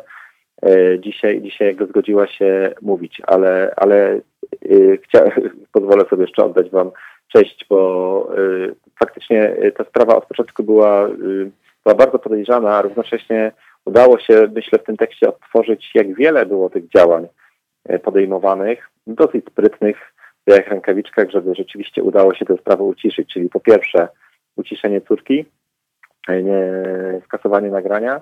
Po drugie, no, jest taki fragment tekstu, w którym y, myślę, że y, zdradza to pewne kulisy właśnie działań, działań polityków. Jak wiemy, mm, w pewnym momencie pan, panie redaktorze, próbuje pan porozmawiać z córką y, Anny Kryńskiej. Ta panu odpowiada, że niestety nie, nie jest na to gotowa i że prosi o uszanowanie żałoby, ale no dzisiaj wiemy, że tego SMS-a nie napisał w istocie do pana Sebastian Kaleta. I niestety tak to wyglądało od początku, a co gorsze dla Sebastiana Kalety, on bardzo podobne oświadczy, bardzo podobne frazy jak, do, jak to, co napisał w SMS-ie, używa dzisiaj w swoim oświadczeniu, właśnie podkreślając to, że pani Anna wręcz sama e, tego chciała i bardzo jej zależało na tym, żeby wesprzeć kampanię Patryka Jakiego. Mnie to, powiem szczerze, obrzydza. Tak, to, znaczy, bo to jest jakby, znaczy prawdą jest oczywistą, ale to w ogóle mm, wydaje mi się, że to oczywiście to, co robi Sebastian Kreta jest oparte na tej, ja myślę, że niektórzy politycy zbyt często bywają w TVP Info i później schodzą na tak y, rażąco niski poziom intelektualny, że już nawet ciężko jest jakoś, jakoś normalnie, normalnie porozmawiać, tak? No bo jakby w tej historii jest oczywiste, y, że nie stawiamy zarzutów o, o, o zabójstwa Anny Kryńskiej. To znaczy Anna Kryńska rzeczywiście podjęła świadomą decyzję y, o tym, żeby przyjść na ten plan. Natomiast to te, te pytania, które my stawiamy, to jak wiele było możliwości, żeby jakoś tę sytuację przeprowadzić no inaczej, zdecydowanie inaczej. E, pytanie od Waldiego jeszcze myślę, że będzie dobrą puentą e, w naszej dyskusji. Pytanie do redaktora Schwertnera. Czy każda opcja polityczna działa tak bezpardonowo w kampanii? Wiem, że to ogólne pytanie, ale mimo wszystko konkretne. Jak to ocenia to pan, panie jeśli, redaktorze? Jeśli uda mi się znaleźć jakiekolwiek dowody czy konkretne przykłady mm, działań podejmowanych przez drugą stronę to, to oczywiście z wielką chęcią to opiszę. E, nie potrafię się tak autorytarnie wypowiedzieć, bo nie jestem specjalistą, ale instynktownie uważam, że tak, że bardzo ostre działania i czarny PR to jest coś, co kusi wszystkie opcje polityczne. E, natomiast sądząc po tym, co widzimy w telewizji publicznej i jak bardzo ta telewizja, jak, jak rażąco, jak skrajnie różni się od tych, które były wcześniej, a przecież politycy dysponowali mediami, niezależnie od tego, kto rządził, czy, czy rządziła Lewica, czy Platforma, to jednak y, no dzisiaj, w zasadzie to, co dzisiaj widzimy w telewizji publicznej, to jest y, moim zdaniem tam wiele rzeczy, które, które się ukazują, to się nadaje, to, to, to stanowi prawdopodobnie przekroczenie dla mnie to, to jest czysta bandyterka taka dziennikarska, co tam się dzieje. Więc jeśli, jeśli popatrzymy na to, do czego są zdolni obecni politycy, kreując taką, a nie inną telewizję publiczną, to, to instynktownie wydaje mi się, że także te granice, jeśli chodzi o ten czarny PR, również są przesunięte mm, bardziej pewnie niż, niż u innych. No trudno mi sobie wyobrazić mimo wszystko, yy, trudno mi sobie wyobrazić, żeby jakiekolwiek inni ludzie niż ci, których opisałem w tekście, byli w stanie dla zdobycia no, jak, jakiegoś minimalnie większego poparcia byli w stanie wyprodukować tak koszmarny, tak zły, tak beznadziejny, tak ostry i tak brutalny spot o uchodźcach. To znaczy, ja mi się wydaje, że to tylko ci ludzie byli w stanie zrobić. Ale zobaczymy, może jeszcze będziemy zaskakiwani w przyszłości także działaniami innych, innych polityków. Aczkolwiek to, to, to, to, to, co się wydarzyło chociażby w tym spocie uchodźcach, to jest bardzo charakterystyczne ogólnie do, dla, dla, dla tych szerokich działań podejmowanych przez Prawo i Sprawiedliwość przez ostatnie lata, czy to wobec uchodźców, czy wobec gejów, czy wobec lekarzy i tak dalej, i tak dalej.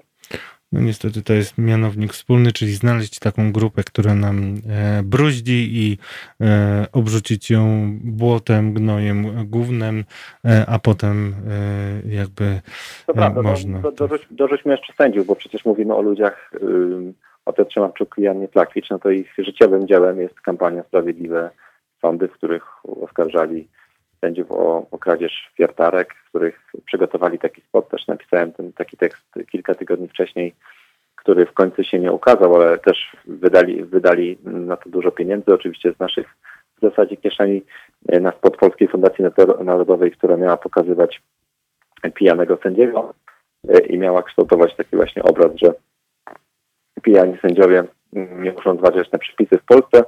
Ten spot akurat się nie ukazał, bo ci geniusze marketingu politycznego do roli pijanego sędziego zatrudnili mm, działacza propozycyjnowskiej partii Zmiana. No nic. Dziękuję bardzo panie redaktorze, gratuluję tekstu. E, myślę, że powinien być e, no, bardzo e, zimnym kubłem wody na rozpalone różne głowy i Oby i no, życzę kolejnych publikacji. E, ciekaw, czekam e, z utęsknieniem e, na proces i ma pan moje pełne wsparcie i chętnie nawet zeznam, od razu mówię, o wszystkim, co wiem, jeśli chodzi o pana kaletę. Także dziękuję. Bardzo, bardzo za to dziękuję, choć wydaje mi się, że procesu nie będzie, ale zobaczymy. Okay. Dziękuję, pozdrawiam serdecznie, dziękuję dobrej nocy. E, drodzy słuchacze, wysłuchaliście e, rozmowy z Januszem Szwertnerem, e, a ja jeszcze dodam od siebie, że uważam, że to jest bardzo ważny tekst. Widzę, że reakcje są bardzo duże. Cieszę się bardzo, że ta sprawa nie została zamieciona pod dywan. Cieszę się bardzo, że mm, teraz, zanim ktoś e, z polityków każe zrobić kontrowersyjny spot, na którym będą łzy i ludzkie tragedie, to zastanowi się, czy przypadkiem cena za to nie będzie zbyt e, wysoka. I co do tego e, bardzo, bardzo podpisuje się, podpisuje się pod takim credo i takim przesłaniem tego tekstu. E, przyznam się, że znam też e, antybohaterów tekstu i uważam, że e, uważam, że ja miałbym pewne problemy z, ze sformułowaniem, no, z przypisaniem e, tym ludziom i zastanawiam się, co, co wy myślicie. Chciałem e, bardzo was prosić o, o komentarze. Autor jest przekonany, jak rozumiem, wykonał wszystkie swoje obowiązki dziennikarskie i doszedł do takich konkluzji. Ja, ja powiem szczerze, tak daleko bym nie poszedł, e, jeśli chodzi o wskazywanie palcem, natomiast natomiast wskazuje palcem bardzo konkretnie na e, polityków, decydentów, e, tych, którzy potem e, dają twarz do tego typu spotów, bronią spraw, których nie powinni bronić. Tutaj absolutnie uważam, że odpowiedzialność jest stricte polityczna i stricte polityczna, ale Gdyby nie to, że politycy się na to godzą, e, to takie pomysły na pewno by nie wyrastały. Bardzo chciałbym wiedzieć, jak to, jak to było e, z Wami. Czytam Wasze komentarze. E, dziękujecie za zaproszenie redaktora Schwertnera. Cieszę się bardzo. Natomiast no, no, zastanawiam się, jak Wy do tego podchodzicie, bo mówię, jestem zaskoczony konkluzjami, to znaczy tym, że tutaj Państwo znani jako Solvere, są wskazani jako Spiritus Movens. Ja bardzo, bardzo chciałbym, żeby prezydent Duda wypowiedział się w tej kwestii i żeby przeciął możliwe spekulacje, a jednocześnie chciałem też taki kamyczek większych gabarytów wrzucić do ogródka Romana Giertycha, który był uprzejmy napisać bardzo popularny tweet, e, gdzie e, odgraża się, e, czy też kpi z Sebastiana Kalety, ale posuwa się daleko w swoich twierdzeniach, bo pyta, retorycznie oczywiście, nie oczekując odpowiedzi, pyta prokuraturę, czy już wszczęła postępowanie w sprawie mm, w sprawie. Zaraz wam przeczytam i też polecam wam mm, przemyślenie, e, czy to na pewno mądre e, pisanie takich rzeczy. Roman Giertych był uprzejmy napisać e, tak 13 mm, godzin temu, że rozumiem, że dziś prokuratura rozpocznie śledztwo w sprawie nieumyślnego doprowadzenia do śmierci, artykuł 155 KK.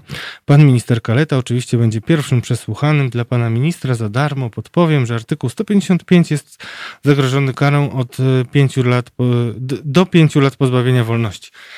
No, moi drodzy, na pewno jest wśród Was wielu zwolenników intelektu Romana Giertycha. Mi jest trudno być e, takim bezkrytycznym zwolennikiem, bo doskonale pamiętam, że to Roman Giertych e, między innymi powołał do życia, czy reaktywował Młodzież Wszechpolską i uważam, że powinno być mu to zapisane, niekoniecznie złotymi zgłoskami e, i tak dalej, i tak dalej, ale generalnie chciałem zwrócić Waszą uwagę, cieszę się, że też o to pytaliście mm, w, w swoich komentarzach.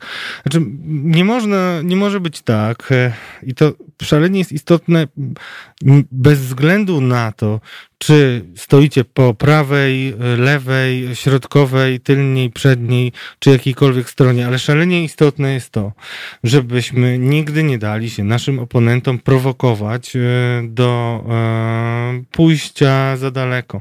E, I o ile cała historia spotu, mm, polecam wam też tekst z Podwidmo, który napisaliśmy na łamach faktu z redaktor Burdy, żebyście też poznali w jaki sposób dochodziliśmy do pewnych rzeczy, co potwierdza, co jest kompatybilne z ustaleniami redaktora e, Schwertnera, ale bardzo do Was apeluję, żebyście nie szli drogą Romana Giertycha i nie mam tutaj na myśli powoływania e, gromad e, łysych nienaturalnie jegomościów e, dopakowanych, e, tylko mam tutaj na myśli e, podgrzewanie atmosfery i rzucanie komentarzy w stylu, powiem szczerze, też mnie zmroziły te komentarze, że Sebastian Kaleto nie tylko jest taki i owaki, ale jest też mordercą. No nie idźmy w tą stronę, bo to naprawdę, e, naprawdę nie prowadzi nas e, e, do niczego dobrego. Pamiętajcie, żeby mm, na koniec dnia patrzeć w lustro prosto i nie zastanawiać się, czy przypadkiem nie powiedzieliśmy kilku słów za dużo.